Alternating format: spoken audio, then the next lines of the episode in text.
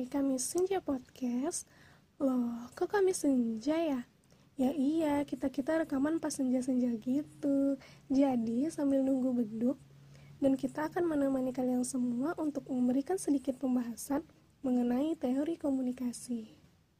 Teori komunikasi kan banyak ya, apa mau semuanya aja kita bahas nih? Ya enggak lah, ntar keburu buka juga kan ya. Betul banget. Kenapa kita ambil teori ini? Karena ini kita temukan di kehidupan sehari-hari. Oke, kalau gitu kita bakal ngebahas apa itu tradisi sosiopsikologis dan beberapa contohnya. Eh, eh, kenalan dulu dong, biar yang pada dengar pada tahu. Kalau kata pepatah, tak kenal maka tak sayang kan? Oh iya, sampai lupa. Hai semua, kenalin, aku Dila. Aku Mutia. Aku Gita. Nah, udah kenal-kenalan kan ya? Sekarang baru deh kita bahas. Oke, kali ini kita bakal bahas tradisi sosiopsikologis atau psikologi sosial. Psikologi sosial merupakan keilmuan yang mempelajari tentang hubungan antar manusia dan kelompok pada lingkungannya yang dipengaruhi dengan perilaku manusia. Dalam kehidupan bersosial, terkadang ada kalanya kita mempunyai hubungan yang tidak baik dengan manusia lainnya. Terjadi hal-hal yang mencetuskan pertengkaran, pertikaian, atau perselisihan antar kelompok yang bisa terjadi di antara keluarga, teman, tetangga, ataupun dengan yang lainnya. Nah, kemudian hal inilah yang mendorong perkembangan ilmu psikologi sosial untuk mempelajari hubungan antar manusia dan perilaku yang mempengaruhi hubungan tersebut. Hubungan antar manusia dipengaruhi oleh tingkah laku, sikap, dan juga perbuatan keputusan berasal dari psikologi sosial dan bisa melahirkan respon yang bersifat destruktif ataupun konstruktif. Jadi, psikologi sosial terdiri dari dua kata, yaitu psikologi dan sosial. Psikologi diartikan sebuah bidang ilmu pengetahuan yang berfokus terhadap perilaku dan fungsi mental manusia secara ilmiah. Kemudian, sosial merupakan segala perilaku yang berhubungan dengan hubungan individu. Jadi, pengertian psikologi sosial bisa diartikan juga merupakan bidang keilmuan yang mempelajari tentang perilaku dan mental manusia yang berkaitan dengan hubungan antar individu dalam bermasyarakat. Nah, pengertian psikologi sosial menurut Sheriff dan Musfer adalah ilmu yang mempelajari tentang pengalaman dan perilaku individu yang berkaitan dengan situasi stimulus sosial. Stimulus sosial diartikan bukan hanya manusia tetap, benda-benda, dan hal lain yang diberi makna sosial. Sosiopsikologis yang memandang individu sebagai makhluk sosial. Tradisi sosiopsikologis ini memberikan perhatiannya antara lain kepada perilaku individu, pengaruh, kepribadian, dan sifat individu atau bagaimana individu melakukan persepsi. Sosiopsikologis digunakan dalam topik-topik tentang diri individu, pesan, percakapan, hubungan interpersonal, kelompok, organisasi, media, budaya, dan masyarakat. Nah, berangkat dari ilmu psikologi, terutama aliran behavioral, perhatian pada perubahan sikap atau attitude, hubungan media dan khalayak tentunya akan menyebabkan terjadinya perubahan sikap. Media menjadi stimulus dari luar diri khalayak yang akan menyebabkan terjadinya perubahan sikap. Nah, kasus lain seperti komunikasi persuasi, pengaruh komunikator terhadap perubahan sikap kalayak. Teori-teori yang berangkat dari psikologi sosial ini juga dapat menjelaskan tentang proses-proses yang berlangsung dalam diri manusia dalam proses komunikasi, yakni ketika proses membuat pesan dan proses memahami pesan. Manusia dalam proses menghasilkan pesan melibatkan proses yang berlangsung secara internal dalam diri manusia, seperti proses berpikir, pembuatan keputusan, sampai dengan proses menggunakan simbol. Nah, di sini ada tiga variasi dari tradisi uh, ini. Yang pertama itu ada behavioral, adalah pada hubungan apa yang kita katakan dan apa yang kita lakukan. Yang kedua itu ada kognitif, yang mana cabang ini cukup banyak digunakan saat ini, berpusat pada pola pemikiran. Cabang ini berkonsentrasi pada bagaimana individu memperoleh, menyimpan, dan memproses informasi dengan cara yang arah tingkah laku yang keluar. Yang ketiga itu ada biological, yang mana Cabang ini merupakan mempelajari manusia dari sisi biologikalnya.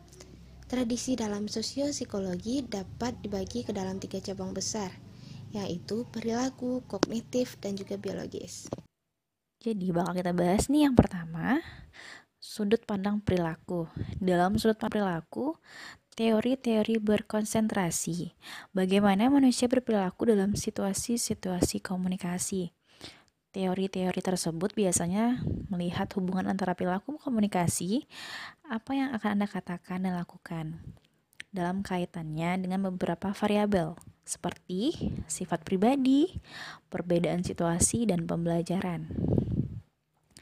Sampai sekitar tahun 1960-an, penekanan dan psikologi adalah bagaimana kita mempelajari perilaku dengan menghubungkan antara stimulus dengan respon. Ketika perilaku tertentu diberi penghargaan, perilaku tersebut akan diulang.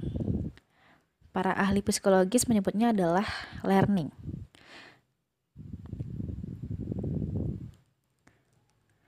Ketika respon diberi hukuman, perilaku tersebut akan berhenti atau underland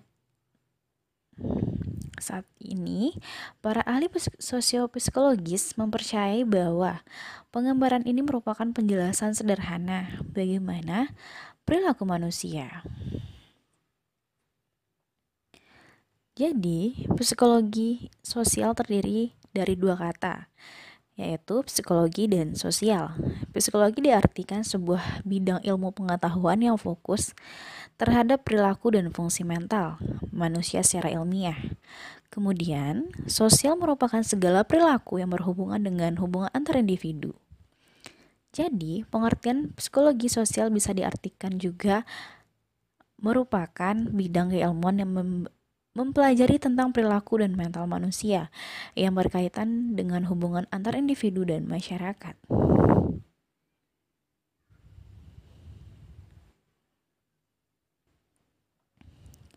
Nah, kayaknya teman-teman udah pada ngerti lah ya. Kalau kita bahas kepanjangan, nanti pada bosan.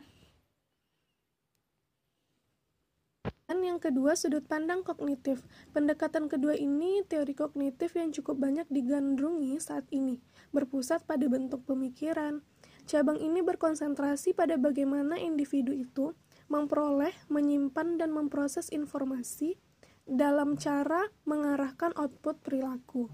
Dengan kata lain, apa yang Anda lakukan dalam situasi komunikasi bergantung tidak hanya pada bentuk stimulus respon, melainkan pada operasi mental yang digunakan untuk mengelola informasi.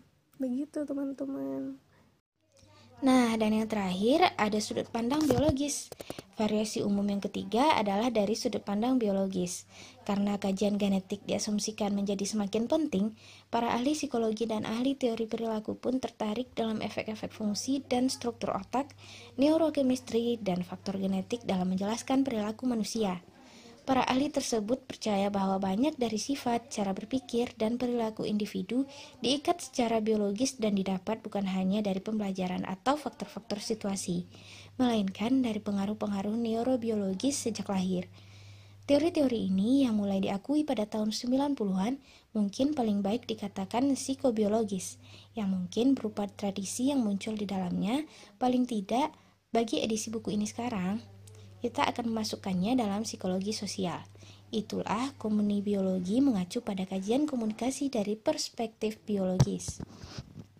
Nah, kayaknya teman-teman udah pada ngerti lah ya. Kalau kita bahasnya kepanjangan nanti pada bosan. Guys, jadi kita punya beberapa contoh yang bakal kita kaitkan dengan tradisi sosiopsikologis. Nah, sekarang itu lagi marak-maraknya COVID-19.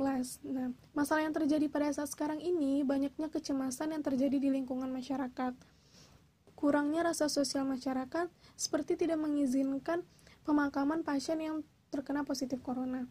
Mereka beranggapan bahwa jika adanya pasien positif corona dikuburkan di dekat daerah mereka, maka itu akan menularkan mereka.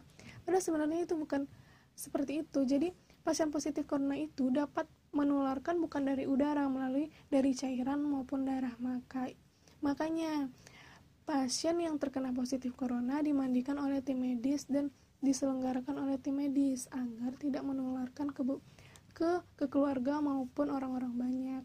Namun uh, masyarakat sekitar itu uh, memberikan terkadang memberikan informasi yang tidak mereka ketahui. Seperti contohnya gini hei jangan lewat sana ya. Uh, ada pasien covid-19 baru dikuburin nih. Jangan lewat sana nanti nanti virusnya bakal ketularan sama kalian kan dia baru dikuburin nah dari sana aja nih individu dapat mempengaruhi uh, individu lainnya. Maka dari itu kita jangan mudah terpengaruh dan jangan mudah menerima informasi secara mentah-mentah. Begitu ya, guys. Aku juga ada contoh nih dari kasus COVID-19. Banyak sekali bermunculan relawan yang berusaha membantu masyarakat yang ekonominya terhambat akibat COVID-19. Ada beberapa orang atas nama kelompok tertentu mewakili suatu kelompok untuk memberikan bantuan pada masyarakat yang terdampak. Jelas, di sini ada peran dari kelompok tersebut dalam membantu meringankan sebuah persoalan yang terjadi dengan menjalankan perannya masing-masing, salah satunya sebagai relawan. Nah mungkin kalau contoh dari aku, aku bakal ngambil satu fenomena yang mungkin berkaitan banget sama kehidupan kita sekarang Atau berkaitan banget sama momen-momen sekarang ini Di mana e, fenomena ini adalah fenomena mudik lebaran. Mudik merupakan aktivitas pulang ke kampung halaman atau daerah asal mereka. Mereka adalah penduduk Indonesia yang berusaha mengadu nasib mereka ke kota besar seperti Jakarta, Bandung, Surabaya, dan kota besar lainnya. Mudik ini secara etimologi bermakna berlayar ke udik atau hulu sungai. Hal ini dapat diartikan bahwa mudik merupakan tindakan orang untuk pergi ke kampung halaman alias tempat mereka dibesarkan. Menurut lembaga penelitian, 80% dari para urbanis datang ke Jakarta hanya untuk mencari pekerjaan. Nah, dari jumlah tersebut, setengahnya merupakan golongan masyarakat dengan level pendidikan dan keahlian yang rendah. Secara sosiologis, dapat dikatakan mereka adalah kelompok masyarakat menengah ke bawah atau mereka belum mapan di Jakarta. Nah, Lebaran merupakan selain sebagai media untuk silaturahmi dan maaf memaafkan, akan tetapi juga momen untuk dijadikan sebagai ajang e, memperlihatkan keberhasilan. Secara psikologis, problem ini diselimuti dimensi keagamaan lalu memperoleh legitimasi sosiologis atau pengaku, pengakuan status sosial. Nah, pada umumnya pulang kampung sebenarnya sebagai kamuflase atas keinginan mendapatkan legitimasi sosial dengan menunjukkan keeksistensiannya. Sesungguhnya fenomena psikologi sosial mudik lebaran lebih disebabkan oleh problem sosial akibat perbedaan yang sangat signifikan atas kemajuan perkotaan di Jakarta dengan kota-kota lainnya. Namun pada saat ini untuk para para perantau atau para pemudik berhalangan untuk pulang untuk menghadi uh, untuk melakukan mudik lebaran dan bersilaturahmi dengan keluarga mereka disebabkan karena diberlakukannya larangan mudik oleh pemerintah akibat adanya COVID-19. Wah, ternyata tradisi ini dekat banget ya sama lingkungan kita. Iya, bener banget, Mut. Hubungan antar manusia maupun kelompok dapat mempengaruhi manusia maupun individu. Bagaimana manusia dalam lingkungan sosialnya yang juga dapat mempengaruhi individu tersebut. Nah, iya benar banget. Nah, mungkin sekian ya paparan dari kita-kita. Oke, teman-teman. Karena waktu buka puasa udah dekat, kami Senja akan pamit dulu nih. Terima kasih sudah setia mendengarkan kami Senja Podcast dan jangan pernah bosan ya, guys. Buat teman-teman semua, selalu jaga kesehatan dan kebersihan ya, agar terhindar dari virus yang marak pada saat sekarang ini.